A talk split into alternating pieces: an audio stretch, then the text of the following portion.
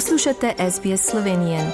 Prisluhnite še drugim zanimivim zgodbam na sbsp.com.au pošiljka Slovenije. Prijazen pozdrav, spoštovani rojaki. Potem, ko smo pred 14 dnevi prvič v zgodovini izvolili predsednico republike Natašo Piecmusar, ki bo mandat začela 23. decembra in bo nasledila Borota Pahorja, se bomo do konca leta še dvakrat odpravili na volišča. V nedeljo bomo na referendumu, katerega pobudnica je opozicijska slovenska demokratska stranka, glasovali o treh zakonih in sicer o zakonu o vladi, zakonu o dolgotrajni oskrbi starejših ter o zakonu zakonu o radiju in televiziji Slovenija. Po javnomnenjskih anketah bi vsi trije zakoni utegnili biti potrjeni, je pa dobra petina voljivcev še neopredeljenih, glasovanje pa bo potekalo za vsakega od zakonov ločeno.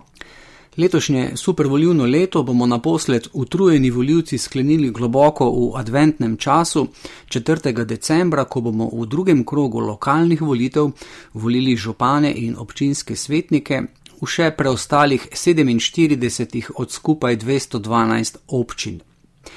Vlada pa je medtem sprejela izhodišča za pripravo rešitev, s katerimi razveljavlja nekatere ukrepe, ki jih je prejšnja vlada sprejela v času v pandemije COVID-19. Tako bodo v začetku prihodnjega leta zakonsko uredili podlago za vrnitev vseh plačanih glob in stroškov prekrškovnih postopkov, prisilne izterjave, ki so bili v času pandemije uvedeni na temelju nezakonitih ali neustavnih pravnih podlag. V času prejšnje vlade je bilo med pandemijo namreč naloženih glob za nekaj več kot 5 milijonov evrov, do zdaj prostovoljno plačanih pa okoli 1,7 milijona evrov in tolikšen bo tudi znesek, ki ga bo treba vračati. Na podoben način Ministrstvo za pravosodje skupaj z Ministrstvom za notranje zadeve pripravlja analizo pravnih podlag in odlokov, ki so bili uporabljeni v prekrškovnih postopkih proti posameznikom zaradi kršitev ukrepov proti COVID-u. Kot je po seji vlade povedala ministrica za notranje zadeve Tatjana Bobnar, gre za odloke, ki jih je ustavno sodišče že prepoznalo kot neustavne.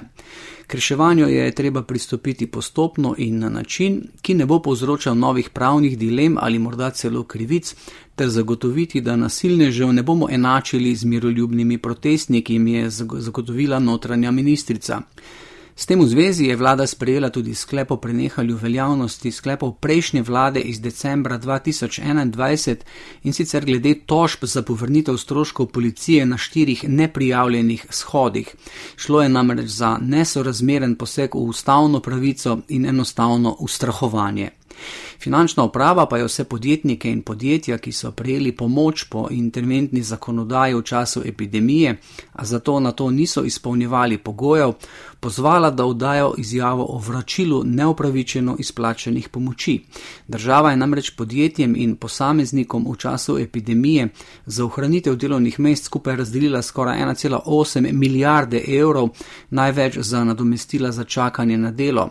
Če se je kasneje izkazalo, da upravičenci niso izpolnjevali pogojev, so jih bili ti dolžni vrniti.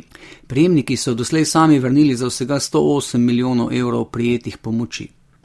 Za konec pa še podnebna novica. Zadnje meritve so pokazale, da sta edina preostala slovenska ledenika, Triglavski ledenik in ledenik pod skuto, močno skrčila in stanjšala in če bi se v prihodnih letih ponovila podobna situacija, kakor letos, ko je bilo izredno malo snega in so bile nadpovprečno visoke temperature poleti, bi lahko po opozorilih strokovnjakov kmalo tudi popolnoma izginila. Gorske pokrajine so namreč med najbolj ranljivimi in se najhitreje odzovejo na podnebne spremembe, še posebej na globalno segrevanje ozračja, izginjanje ledenikov pa ogroža tudi dragocene vire vode, ki napaja tako dolinske izvire kot tudi bližnje planinske koče. To so bile novice za danes, pazite na se in vse dobro do našega naslednjega slišanja za SBS ali Šlednik. Všečkaj, deli, komentiraj. Spremljaj SBS Slovenijo na Facebooku.